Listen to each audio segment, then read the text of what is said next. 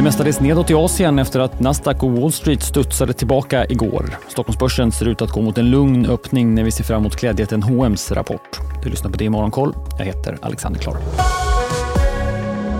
Ja, det mestades neråt nedåt i Asien. Tokyobörsen backar mest knappt 1 Hongkongbörsen är ner drygt en halv procent och vi kan notera att Alibaba fortsätter upp efter rusningen igår på beskedet att man tänker splitta bolaget i flera affärsområden och till och med kan särnotera delar.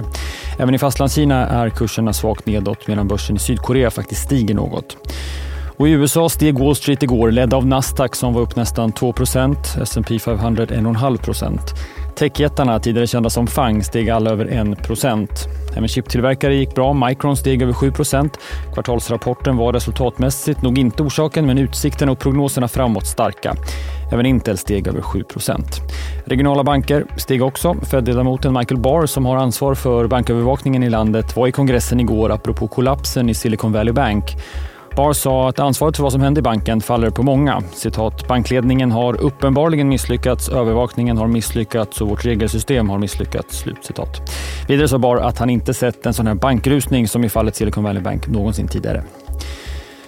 Investmentbanken Credit Suisse, numera i UBS ägo, har gjort sig skyldiga till att ha brutit mot en uppgörelse med amerikanska myndigheter. Det handlar om ett avtal man slöt med det amerikanska justitiedepartementet 2014 efter anklagelser att banken möjliggjort skattefusk för tusentals kunder. Igår kom den tvååriga senatutredningen som hittade betydande brott mot överenskommelsen och flera senatorer vill nu se ytterligare sanktioner mot banken. Spelheten Electronic Arts behöver skära ner på personal. 6% av styrkan kommer få gå, motsvarar ungefär 800 anställda enligt ett internt meddelande som Wall Street Journal tagit del av. Det är också personalutmaningar för Disney. Underhållningsbolaget avskedar Marvels styrelseordförande Isaac Perlmutter.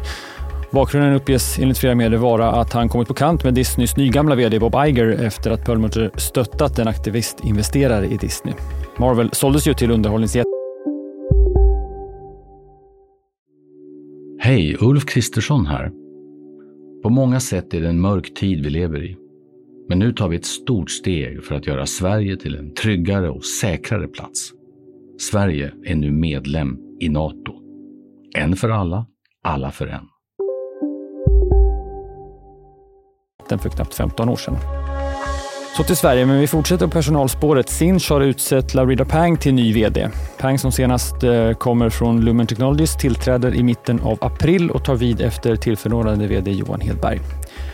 Och Biogaias VD Isabelle Dusselier lämnar bolaget för att bli VD för ett av Orklas portföljbolag. Dusselier blir kvar som VD Biogaia fram till hösten. Årets hittills största notering ser ut att skjutas upp. Det handlar om det svenska riskkapitalbolaget EQT som enligt medieuppgifter länge varit på väg att notera det schweiziska hudvårdsbolaget Galderma.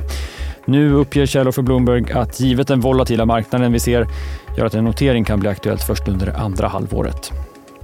Tittar vi på dagens agenda så är det stora numret alldeles strax. H&M kommer med rapport som också för övrigt håller på att förändra i personalen. Analytiker räknar med att det kommer presenteras en förlust på drygt en miljard kronor. I fjol gjorde bolaget en halv miljard i vinst. Försäljningen är redan känd. Den landade på knappt 55 miljarder kronor under kvartalet som täcker december till och med februari.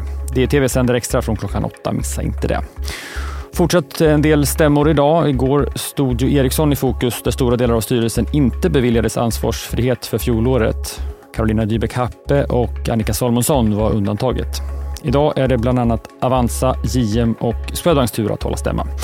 Och idag avskärs också utdelningen för flera aktier, däribland då Ericsson 1,35 går och 7,50 respektive 7,25 för Skanska och Essity. På makrofronten så väntas definitiv BNP-data från USA och så får vi inflation från Tyskland. Den tyska inflationen spås falla tillbaka från 8,7% i februari ner till 7,3% nu i mars. Vi håller koll på det och alla de senaste nyheterna på sajten di.se. Missa inte heller DI-podden, Ledarpodden, som i veckans avsnitt gräver ner sig i de stora satsningarna i Norrland. Grön energi kräver mycket energi, batterifabriker, men också stora satsningar på infrastruktur och samhällsfunktioner. Podden gästas av DIs reporter Jens Kärrman. Du hittar podden på sajt eller i din poddspelare. Det avslutar DI Morgonkoll. Jag heter Alexander Klara.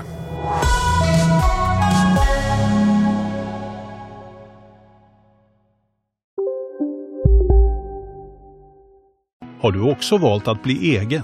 Då är det viktigt att skaffa en bra företagsförsäkring. Hos oss är alla småföretag stora och inga frågor för små. Swedeas företagsförsäkring är anpassad för mindre företag och täcker även sånt som din hemförsäkring inte täcker. Gå in på swedea.se företag och jämför själv. Där det finns ett samhälle, där finns det brott. Krimrummet är podden som tar brottsligheten på allvar.